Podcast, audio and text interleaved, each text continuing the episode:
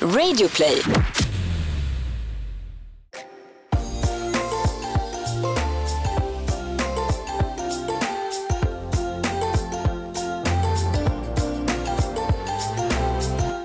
Och välkomna till ett nytt avsnitt av Bakom varumärket med oss, Jenny Kaiser. Och jag Jessica Morales. Monday, Monday. Den bästa dagen på veckan. Eller hur Jessica? Nu glömde Jenny sin Valium igen. Ja, mamma blir så besviken på mig. Nej men du, eh, skämt åsido. Eh, kanske för att maj månad är liksom en galen månad. Det är ju en av de mest hektiska faktiskt under eh, året. Och man kan väl säga så här att eh, kunder ska börja planera för inte bara hösten utan 2020. Mycket ska produceras och levereras. Så man kan säga flitens lampa lyser på Turegatan 13. Då kommer man lätt upp i varv. Mm. Känner du igen det eller? Och en hel del kunder är ute och söker faktiskt efter nya partners. Så då kan man säga att faktiskt sexans växel är i. Så sant. Nu du, då passar det perfekt att få välkomna en av säsongens sista gäster till vårt program. Det är en person med lång gedigen erfarenhet från byråbranschen. Varit projektledare på en av Sveriges mest mytomspunna byråer, Paradiset. VD på byråerna Harry och St. Luke's och idag en av byråbranschens mäktigaste. Då han i rollen som byråvalskonsult är med och beslutar vilka byråer som kunderna bör välja som ny partner. Varmt välkommen Max Aperia. Tack så hemskt Hur mycket. kändes den där introduktionen? Det var fantastiskt, vilken research. Ja, tack Google. Men det är ju häftigt. Du är ju en person som har eh, både synts och verkat i vår bransch i många år. Så att om det är någon som kan både det smaskiga och framtiden så är det du. Så det är otroligt härligt att ha dig med som en av eh, säsongens sista gäster. Kul att vara här. Men du, eh, alla känner ju inte dig. Kan du inte börja berätta lite grann om dig själv? Eh, lite bakgrund, familj, intressen och så vidare. All right. Jag heter Max Aperia, är byråvalsrådgivare eller rådgivare på Sveriges annonsörer sedan 14 år tillbaka. Eh, förflutet en gång i tiden som köpare, var reklamchef var titeln på Svenska Dagbladet en massa år. Köpte reklam av flera byråer, däribland den mytomspunna byrån och, och det, de lärde mig fantastiskt mycket. Eh, men sen bytte jag sida till Paradiset och sen så var jag där i sex år, sex grymma år. Det var otroligt kul.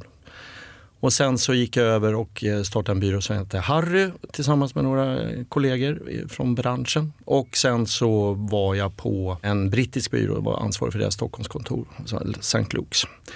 Efter det så startade jag min egen verksamhet, vilket jag driver då fortfarande sedan 14 år. Men jag jobbar 100% för Sveriges annonsörer.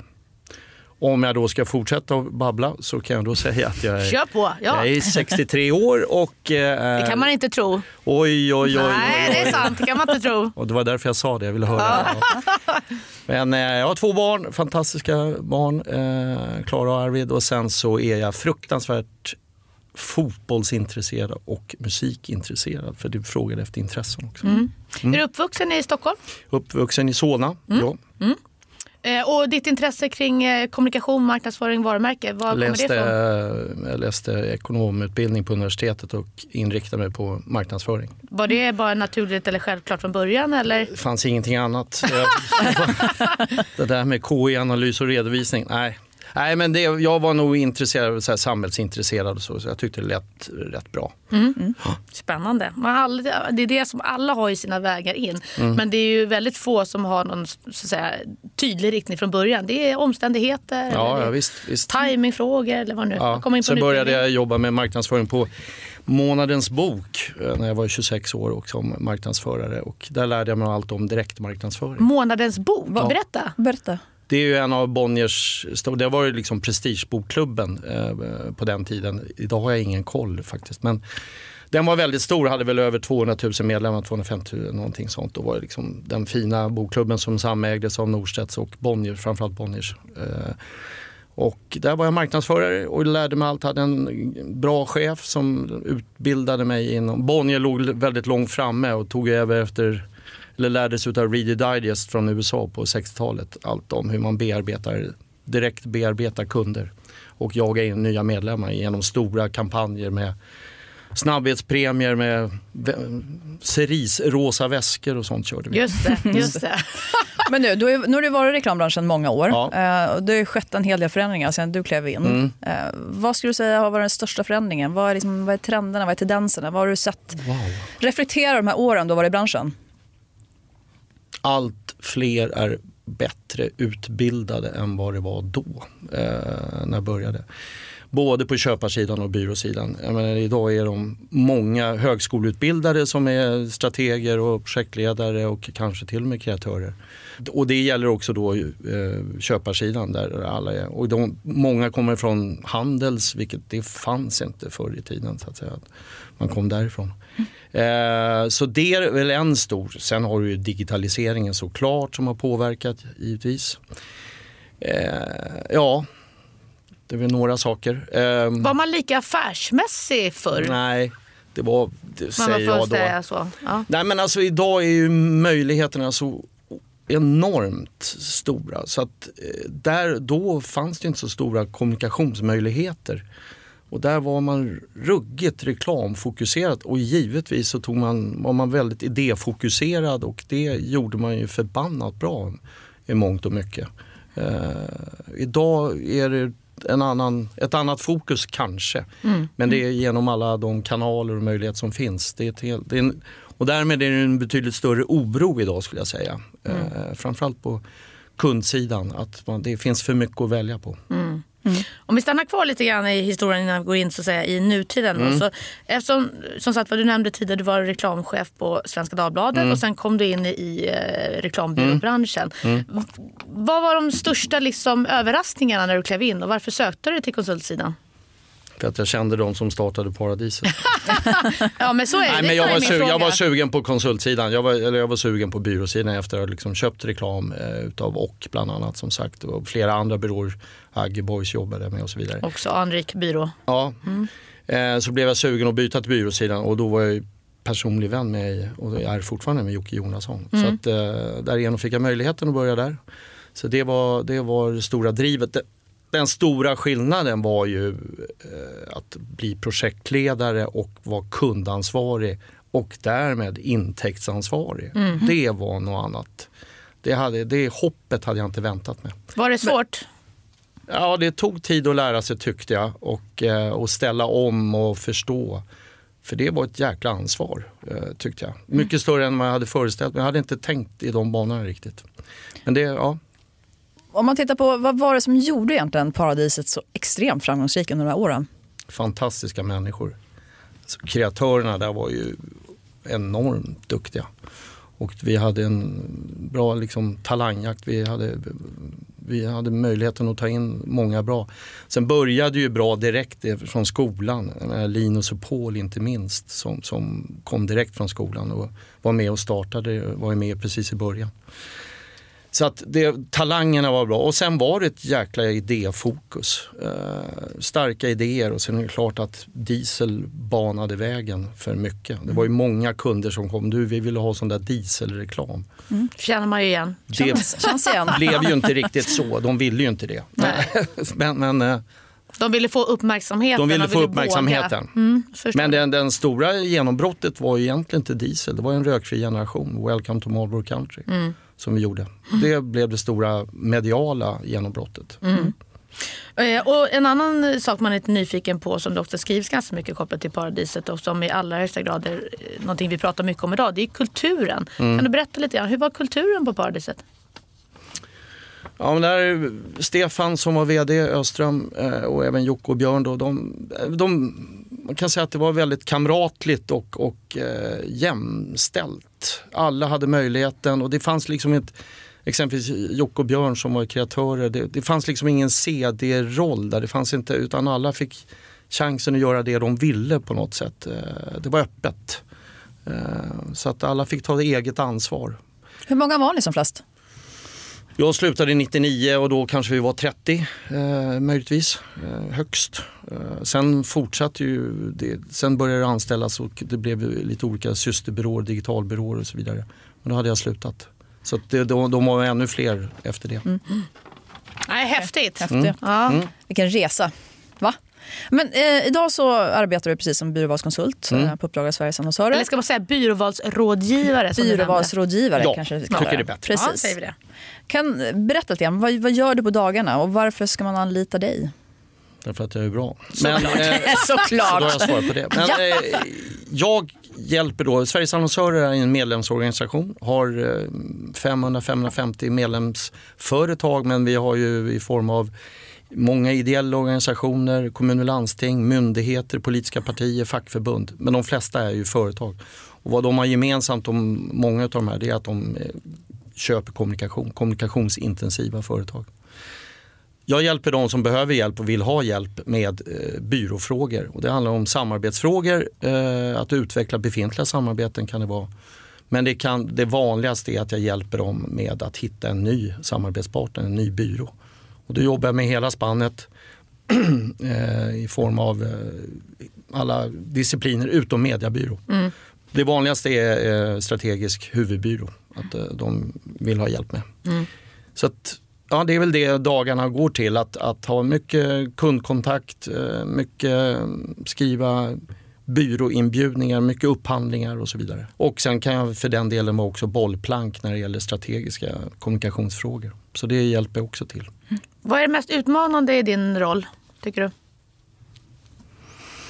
Ja, det kanske är att hänga med i byråutvecklingen, att hänga med hur den enskilda byrån utvecklas och vara uppdaterad på det. Det kan, det, det, det kan jag nog säga. Tror mm. jag. jag träffar ju byråer ständigt och jämt för att, för att uppdatera mig men det finns ju ganska många byråer inom hela det här spannet som sagt. Och då, mm. det, det tror jag är den största utmaningen. Mm. Mm. Men självklart också att sätta mig in i kundernas behov, kommunikationsbehov. För det är ju, det är grundarbetet och det är där allt startar. Så att jag genomför ju behovsanalyser, går igenom vad, byråerna, eller vad kunderna behöver för kommunikation, vad de tycker de behöver idag men försöker blicka framåt också. En sak som dyker upp bara nu spontant är att eh, skulle det finnas ett behov av att eh, eh testa modet hos kunderna idag? och vad jag menar med det är att eh, lite grann tillbaka till det du nämnde exempel med dieselreklamen. Jag vill ha en diesel. Eh, många kunder vet ju inte vad det innebär att köpa en dieselidé eller eh, om det nu skulle vara lösningen på det problemet som du har. Men just det här med vad som krävs som kund för att lyckas i sitt byråsamarbete.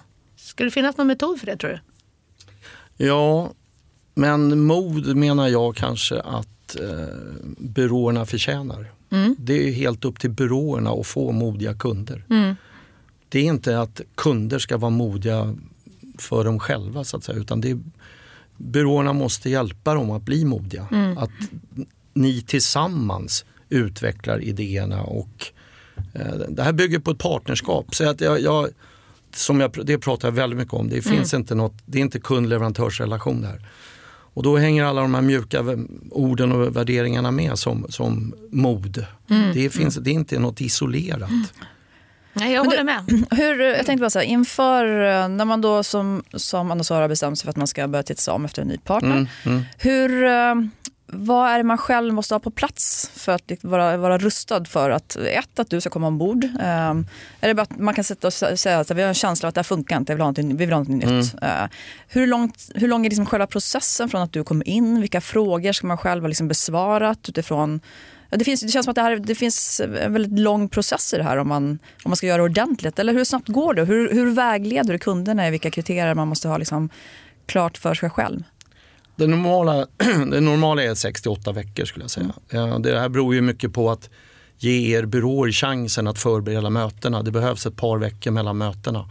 Eh, för ni har fullt upp med era befintliga kunder. Så det är det som styr lite grann att, att det tar 68 veckor. Det kan ta för den delen längre. Den längsta jag har hållit i tog väl kanske fem månader. Mm.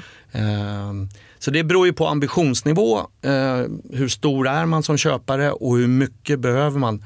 Är det en byrå eller kanske fler byråer och så vidare. Det man behöver ha på plats är väl nästan alla kommer från en tidigare relation så att säga. Man har haft en, en byrå eller flera byråer och jobbat med. Att man har en självkritisk insikt. För det är ju inte ens fel att relationen bryter. Utan, utan det är ju bådas och då måste man ha en lite självkritisk syn på hur funkar vi som köpare? Hur ser vår organisation ut? Vad kan vi göra bättre i, vår, i det här blivande partnerskapet och så vidare. Det måste man ha pratat ihop sig om. Men det här hemläxan eh, som, som du ger dem lite grann? När ni ja, dessutom. Jag, stä, jag ställer ju de frågorna. Jag är, försöker vara lite utmanande då i den här behovsanalysen och ställa även organisatoriska frågor kring det. Mm. Men det är ju också fördelen utifrån att du har ju suttit på båda stolarna. Ja, ja, Den är ju eh, oerhört värdefull. För att det är som du säger, man sitter ju i samma båt. Det pratar vi om hela tiden. Mm. du brukar säga det ofta att vi firar liksom våra framgångar tillsammans och när det blåser hårt då kavlar de upp ärmarna och så lär vi oss och så tar vi oss liksom nästa vända. För att, menar, vårt samarbete, det vi gör, det är inget sprintlopp.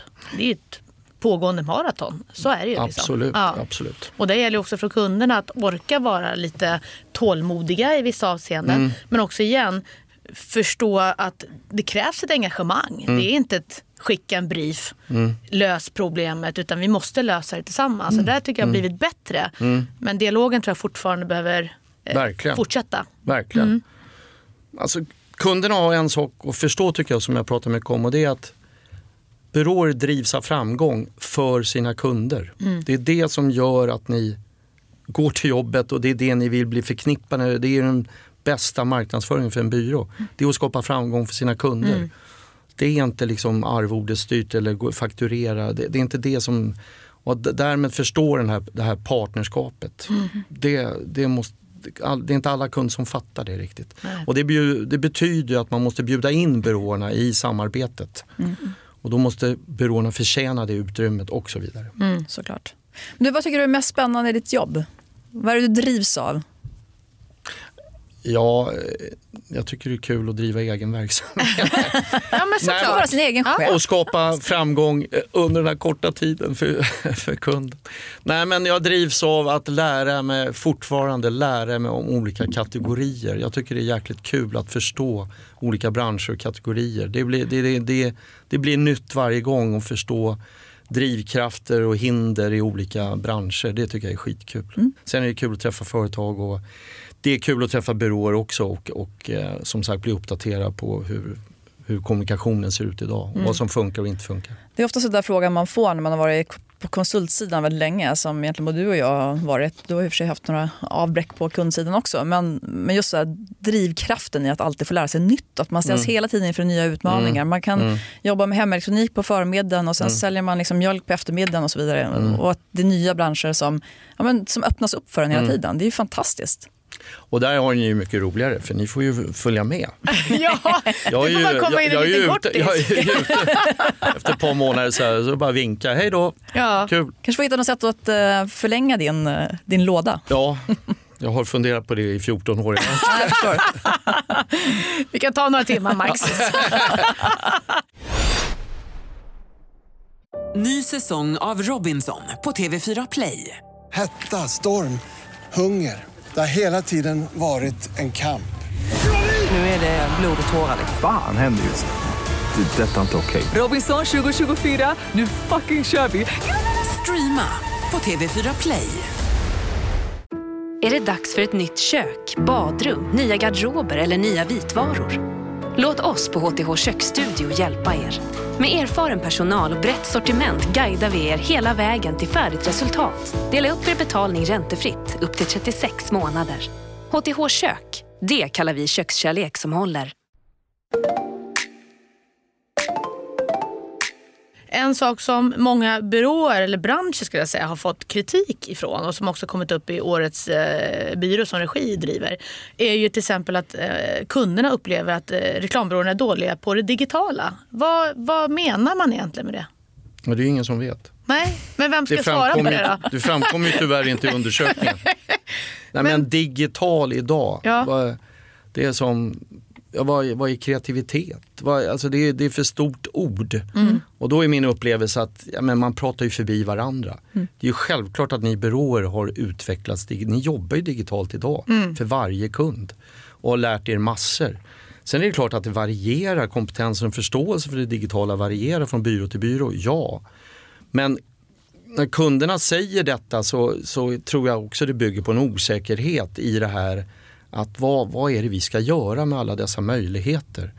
Och där, där, där, jag tror man pratar förbi varandra mellan kund och byrå. Det är det som ligger bakom en sån siffra som kommer fram i den undersökningen. Det kan också vara interna påtryckningar. Jag tänker, Ja. Det är ju inte jätteenkelt att ha en marknadschefs eh, jobb idag. Eh, man får höra från styrelsen och ledning och, Nej, och så vidare att vi måste det. bli mer digitala. Och då blir det bara en förskjutning och en liksom till, till oss egentligen. Jag brukar säga precis det också, att det är inte enkelt att vara marknadschef idag med alla dessa möjligheter och all den interna press som finns. Precis. Det springer folk hela tiden och bara säger, har du sett vad de gör, konkurrenten? Varför gör inte vi det här? Och hela tiden svara upp mot det här, eh, alla önskemål och så vidare.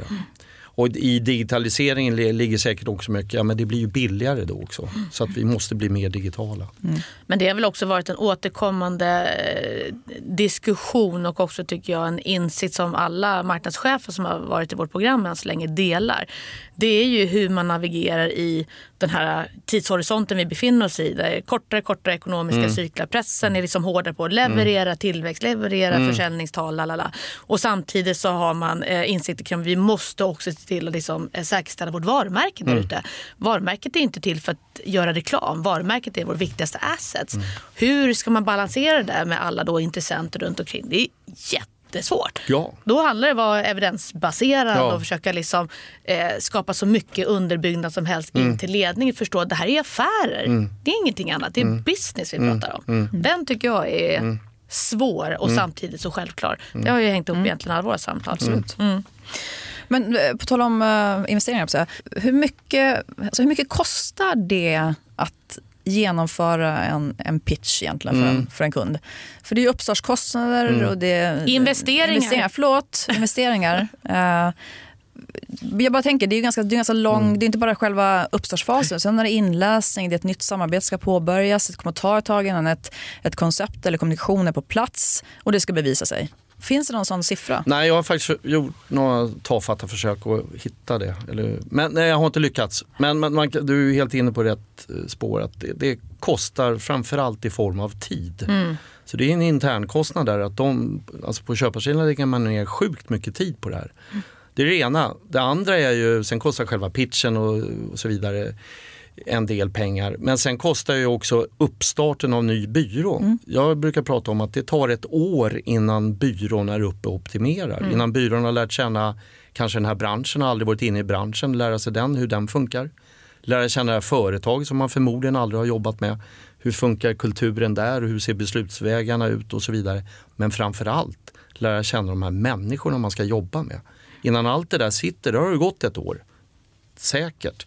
Då var det ju hemskt tidigare när regi mätte det här med att bytte byrå. Första siffran kom för tio år sedan. Då var det 40% av köparna bytte byrå innan två år. Ja, det är helt vansinne. sånt slöseri. Men, men det har ju blivit bättre. Men, men eh, det, det kostar en slant, det måste man vara medveten om. Fler, och- nu, nu ökar ju siffran, regisiffran ökar, den ligger väl uppe på 3,7-3,8 år i snitt eh, i samarbetstid. Men man kanske borde tänka på, kan vi utveckla det befintliga samarbetet? Kan vi förbättra det istället för att vi ska gå ut i en pitch? Men sen är det, det är flera faktorer där. För det är ju, dels handlar det om förändringstakten hos igen kunderna. När en eh, uppdragsgivare flyttar på sig. Eh, hur står vi som byrå då liksom cementerade hos dem? Och framförallt där tycker jag en viktig aspekt i det, det är ju att vårt uppdrag Relationerna är ju key för man jobbar tillsammans men det handlar i grund och botten om att skapa värde. Därav att hela tiden titta på hur ska vi hjälpa företaget att komma framåt. Och att man pratar om det. För då har man ju större chans att kunna vara kvar när en uppdragsgivare lämnar. Eh, och det tror jag vi pratar jättemycket om. att den här balansen måste man ha med sig och där måste man ibland vara tuff. Vi förstår vad du vill någonstans och det ska vi försöka stödja men just nu är det inte rätt för affären. Nej. Vi måste ta den här vägen. För i slutändan kommer du få skit för ändå. Så det är svår balansgång. där. Det är det verkligen, absolut. Men du, tillbaka till KPI då. När man, eh, hur ställer du upp dem utifrån uppdragsgivare? Skiljer det sig från, eh, från gång till gång? Och hur, eh, det vill säga, hur utvärderar man byråerna i frågan? Hur mycket mjuka variabler som samarbete, och kemi och folk och så vidare versus hårda variabler tittar ni på? Nu är det ju så att en pitch består ju i, i mitt upplägg av två, tre möten per byrå. Personkemi är jätteviktig men den är ju bara under de, alltså man får ju bara den chansen under de mötena. Mötena är helt avgörande. Det spelar egentligen inte så stor roll vad det står på dörren, vilket byrånamn det är. Utan mötena är det engagemang och den energin byrån ger, det är vägen fram så att säga för att vinna uppdraget. Men självklart finns det hårda variabler, kriterier. Det är ju min sak att ta fram urvalskriterierna utifrån behovsanalysen. Och då är det ju strategisk kompetens, kreativ höjd, sådana saker finns det. Men en trend just sedan några år tillbaka tycker jag är att en kund vill egentligen ha så få byråer som möjligt. Så man vill gärna stoppa in så mycket som möjligt i, i uppdraget. Det betyder att man tittar på PR, man tittar på andra kanske CRM till och med och så vidare. Så att, att eh, så eh, det, det finns flera, kan finnas sådana flera saker. Men, men, och, men sen är det så här, hur vill, hur ska, vill byrån organisera det här uppdraget? Vad är det för människor och kompetens man ställer upp med och så vidare. Det spelar också en väldigt stor roll, såklart. Ja, men det är också, går tillbaka till att, säg att man träffas tre gånger så är det klart att man får ju en, en, en bra magkänsla, man liksom ökar dialogen och så vidare. Men man måste ju känna sig trygg med sitt val. Att jag vet att med den här byrån kan jag växa, med den här byrån kan jag ställa om beroende på vad våra behov också kommer utvecklas under tid. Och sen är det ju också alltid så, det är det som är så svårt, det är ju relationer. Det är människor som ska samarbeta, inte ett aktiebolag om man får uttrycka sig på det Jag sättet. har en, jag har en liten bild av, av vad som avgör en pitch som handlar, tangerar här lite grann. Vad, vad är det vi synar från, alltså från kunden? Vad är det vi bör syna? Och då är det några saker. Ett, har de relevant kompetens till det behov som vi har? Och då är det väl lite min sak att de ska ha byråerna som jag väljer ut eller rekommenderar. Det är minimikravet. Ja, liksom det ska de ha. Det andra är då att förstår de oss som företag? Förstår de vår kategori? Alltså byrån, förstår byråerna detta? Förstår de vår situation, vårt varumärke, våra målgrupper? Och då gäller det under de här mötena att visa upp den förståelsen. Och då gäller det att göra en research och så vidare. Det är steg två. Det tredje är, är den här byrån utmanande? Kommer de utmana oss tillräckligt mycket? Kommer de ställa de där jobbiga frågorna? Kommer det bli en wow-känsla om vi börjar jobba tillsammans? Det är oerhört viktigt att känna det i de här mötena. Men sen så på det så ligger ju personkemin och personkemi är ju energi. Det är liksom driv i mötena, det är struktur i mötena, det är förberett och sådana saker. Det är personkemin. Så där är väl egentligen fyra olika nivåer vad man ska säga.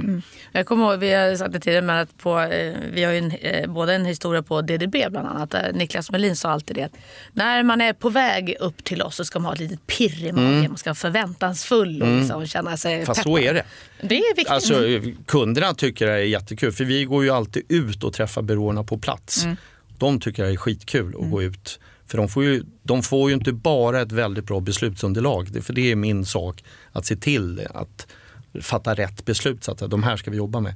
De får ju också höra väldigt mycket spännande tankar från er byråer. Så de tycker det är skitkul. Men då kommer vi till den här frågan som vi brottas med eh, lite då och då, alla byråer säkert. Det är att utifrån KOMs rekommendationer att man ska, eh, eh, kreativa pitcher ska utgå i största utsträckning. Eh, och vi känner ju fortfarande att det där är något som ligger oss lite grann i fatet ibland om vi väljer att satsa fullt ut på en strategisk rekommendation men utelämna det kreativa. Och då kanske en annan byrå har gjort Kanske både och. Och då stå, kan vi stå där ibland. För då är det precis den där wow-känslan och pirret som kommer från en idé som man blir kär i. Som man sen kan gå tillbaka och säga så här, men det där, resten var nog good enough. Men det var idén som skapade det lilla pirret och magkänslan och som egentligen fick ja, men, bägaren att rinna över på ett positivt sätt. Då undrar man ju, hur ska vi förhålla oss till det här moving forward? Mm. Det är Sveriges annonsörers pitchrekommendationer tillsammans med KOM. Eh, som jag har varit med och skrivit. Eh, vi pratar om kreativa pitcher där, ja. Det här är svårt av lite olika skäl. Jag försöker undvika kreativa pitcher. Men de förekommer. Och de kan förekomma kanske i lite olika kategorier så är det tro, mer troligt att det blir en sån. FMCG är exempelvis en kategori som svårt att undvika att det blir någon typ av uttag eh, visuellt. Va, vad beror det på? Varför just FMCG? För att det är kommunikationsintensivt och man vill från köparsidan ha en, få en smak, få en känsla av hur skulle det här kunna se ut. Jag vet inte, det är, det är bara en känsla jag har. Sen är det så att, att det blir den här typen, jag brukar prata ibland att visuella världar, hur skulle den här kunna se ut? Aldrig så här, det har jag inte varit med att ta fram en julkampanj eller aldrig något sånt. Nej. Men, men eh, En konsekvens av det strategiska resonemanget Exakt, hur ska, trycktesta. och då kan det vara så att ta fram två världar, hur det här skulle kunna kännas. Det handlar alltså inte om den enskilda idén. Där har jag aldrig varit, det måste jag säga, jag har aldrig varit med om under de här Nej. 14 åren att en kund har förälskat sig i en enskild idé och sagt det där är helt rätt, den här byrån ska vi ha. Det har aldrig hänt. Däremot så vill man ibland som sagt se den här visuella världen, hur det ska hänga ihop med strategin. Eh, enligt det här resonemanget, för att jag är jäkligt tydlig mot byråerna och säger att det här handlar aldrig om några rekommendationer. För det kan inte, ni kan inte ha lärt er det här, den här kategorin och det här företaget på de här veckorna. Det är helt omöjligt. Mm. Så tona ner det här, inga, aldrig rekommendera någonting. Men därmed så aldrig en enskild idé. Det finns också något farligt med kreativitet. Det är ju så att jag håller ju inte i majoriteten av pitcherna. Det pitchas en del utan mig. Mm. Och då är det många gånger kreativa sådana. Och byråer chansar ju många mm. gånger på att ta fram en enskild idé. Men där riskerar man väldigt mycket menar jag. För att det är ju så att en kund har ju säkert sett tusen idéer på sin, sitt varumärke. Mm. Och då blir det så här, nej men det där gjorde vi 2013, det funkar inte. Ja, då försvinner den där byrån, den där idén. Jag hatar till och med jag hatar grönt, kan det vara från en marknadschefs sida. Mm. Alltså det, det, för det är chansartat. Det är vanskligt, mm. det är för mm. chansartat mm. att ta fram den enskilda idéer. Mm. Ja men sen så också någonstans, det här är ju ingen hemlighet, det vet ju du också. att när vi byråer, det här är ju en branschfråga, går in i en pitch mm. så går man in med hela kroppen mm. som jag brukar säga. Mm. Och det investeras ju enorma mm. resurser. Mm. Eh, och det är också så här, vi får ju vanligtvis inte speciellt mycket betalt för det. Nej. Och det är ju också ett problem om mm. säger så. Och samtidigt såklart att ja, det är vårt sätt att bygga vår affär. Vad, är din syn, vad är din erfarenhet och syn kring det? Balansen mellan hur mycket kan man kräva en byrå att investera relation till vad tycker du egentligen att det är skäligt att kunderna ska betala för att göra en pitch? Nej, men jag, jag har ju med en modell där, där, där en förlorande byrå får ersättning. Mm. Och det är mer för att signalera också att vi är en schysst kund. Vi har respekt för byråerna och vi kommer vara en schysst partner i det här partnerskapet. Det är den sån signal. Det motsvarar ju egentligen inte de mantimmar som är nedlagda såklart. Och man köper ju aldrig loss en idé eller en Nej. tanke på det sättet heller. Så att eh, ersättning ska utgå i de allra flesta fall. Nu har jag lite andra varianter som inte genererar ersättning men det är en balansgång en byrå har. Att, att, för att ska man leva upp till det här att relevant kompetens eller förståelse för den här kategorin och varumärket och utmana. Ja, man måste själv sätta gränsen. Mm. Och hur mycket vill man ha det här uppdraget? Ja, men då går man in med hela kroppen. Då vill man ha det. men du, nu är det snart uh, halvårsbokslut 2019. Mm. Vad var det bäst hittills? Wow, i form av? Får välja själv. Ja, Totten, Tottenham i Champions League-final på Ja, det, det kan det vara. Det, det är det, det är Absolut. Ja. Nej, men jag har haft väldigt mycket att göra, vilket har varit det bästa. Eh, jag gillar att jobba och jag gillar uppdrag. Eh, så att jag har haft många bra, stora, spännande uppdrag. Det har varit bäst. Och det kan jag inte säga vilka jag har. Nej, det är klart att du inte kan. du inte kan. Men du, om man spanar lite framåt då. Eh, hur tror du att reklambyråkartan kommer ritas om framåt? Det rör ju på sig ganska wow, mycket. Det är en svår fråga. Um, det är ju många som siar hit och dit. Och alltid, det har ju alltid gjorts. Mm. Någon känsla av att stora byråer blir ännu större och de som har det tuffare är kanske medelstora byråer. Mm. Jag vet inte, det är möjligt. Mm. Jag har jättesvårt. Digitalisering påverkar självklart. Men hur? Jag vet inte. Nej, det är okej. Okay. Ja, det är så många andra som kan det här bättre. Ja. Men du utanför jobbet då, vad, vad, vad dröms det om? Vad planeras det för? Hur länge ska du köra på här nu innan du flyttar till Skottland och spelar golf eller Frankrike eller vart du nu tar vägen? Jag eh, vill jobba så länge som möjligt. Mm. Så jag vill hålla på med det här. Jag tycker det är kul. Men det är ju väldigt passionsdrivet. Mm. Det vi, alltså ska man ja. vara i den här branschen oavsett mm. var man befinner mm. sig mm. så är det ju hjärta. Mm. Nej, men jag tycker det är kul. Jag tycker det kul med alltså, i grunden kommunikation. Men så är det kul att träffa er byråer. Det är jättekul att träffa kunderna. Förstå deras organisation, hur de jobbar. Så att jag, jag tycker det är jättekul. Och om man säger så här, tre tips då till kunder som är ute nu och eh, söker ny partner. Vad är dina tre främsta råd? Ring mig. Nej, men gör eh, läxan själv först. Syna varför det sprack tidigare i relationen. Gå in och inventera era behov och försök blicka framåt. Det är väl steg ett. Sen kommer det delikata att titta på vilka byråer där ute som matchar det här som vi vill ha. Men då måste man också titta på egenskaper. Då får man nog ringa runt lite och ställa lite frågor och så vidare innan man tar fram en lista på några stycken som man vill träffa. Men göra i ordning ett bra underlag så att byråerna ändå är briefade på ett bra sätt också. Och jobba igenom uppdragsbeskrivningen så mycket man kan så att byråerna förstår vad är det som kommer krävas här. Så att byråerna kan vet, vet också hur de ska organisera det här specifika uppdraget. Och sen ta fram en bra urvalsprocess, förbered frågor och skicka över dem till kunderna, så att, eller till byråerna så att de har möjlighet att förbereda de här frågeställningarna. Eh, bra relevanta frågor. Ja. Där hör ni kära konkurrenter också. Nej, men det är väldigt, väldigt bra och det är, därför var det så värdefullt att ha med dig i studion också. Därför att få det andra perspektivet. Du sitter i en väldigt liksom, viktig roll både för kunderna och för byråerna. Eh, och vi har mycket att lära oss och det är väldigt skönt att ha en erfaren person som dig med i den här processen. Tack. Ska du veta. Tack. Avslutningsvis då, så brukar vi alltid ställa, eller vi brukar inte ställa fem snabba. Vi säger fem ord och du säger det första du kommer att tänka på. Wow, okej. Är du med? Paradiset. Härligt. Hole in one. Drömmer. Franska rivieran. Trevligt. Reklambyråer. Eh, grymma. Passion. Ännu härligare. Eller hur? Va? Där satt den. Och som alltid så går det ju vansinnigt fort. När vi har det går alltid härliga, för ja, för fort. fort. Vi har härliga gäster i studion och har haft det faktiskt hela säsongen. Ja. Men det är dags att säga tack och hej, Max. Otroligt trevligt att du har dig här och eh, tack för att du tog dig tid. Tack så jättemycket. Kul att vara med. ja, tack snälla. Det här är Jenny Kaiser. Och jag Jessica Morales från Bakom varumärket Signing Off. Vi hörs om en vecka people. Bakom varumärket presenteras av Bauer Media. Störst, i Sverige på ljud!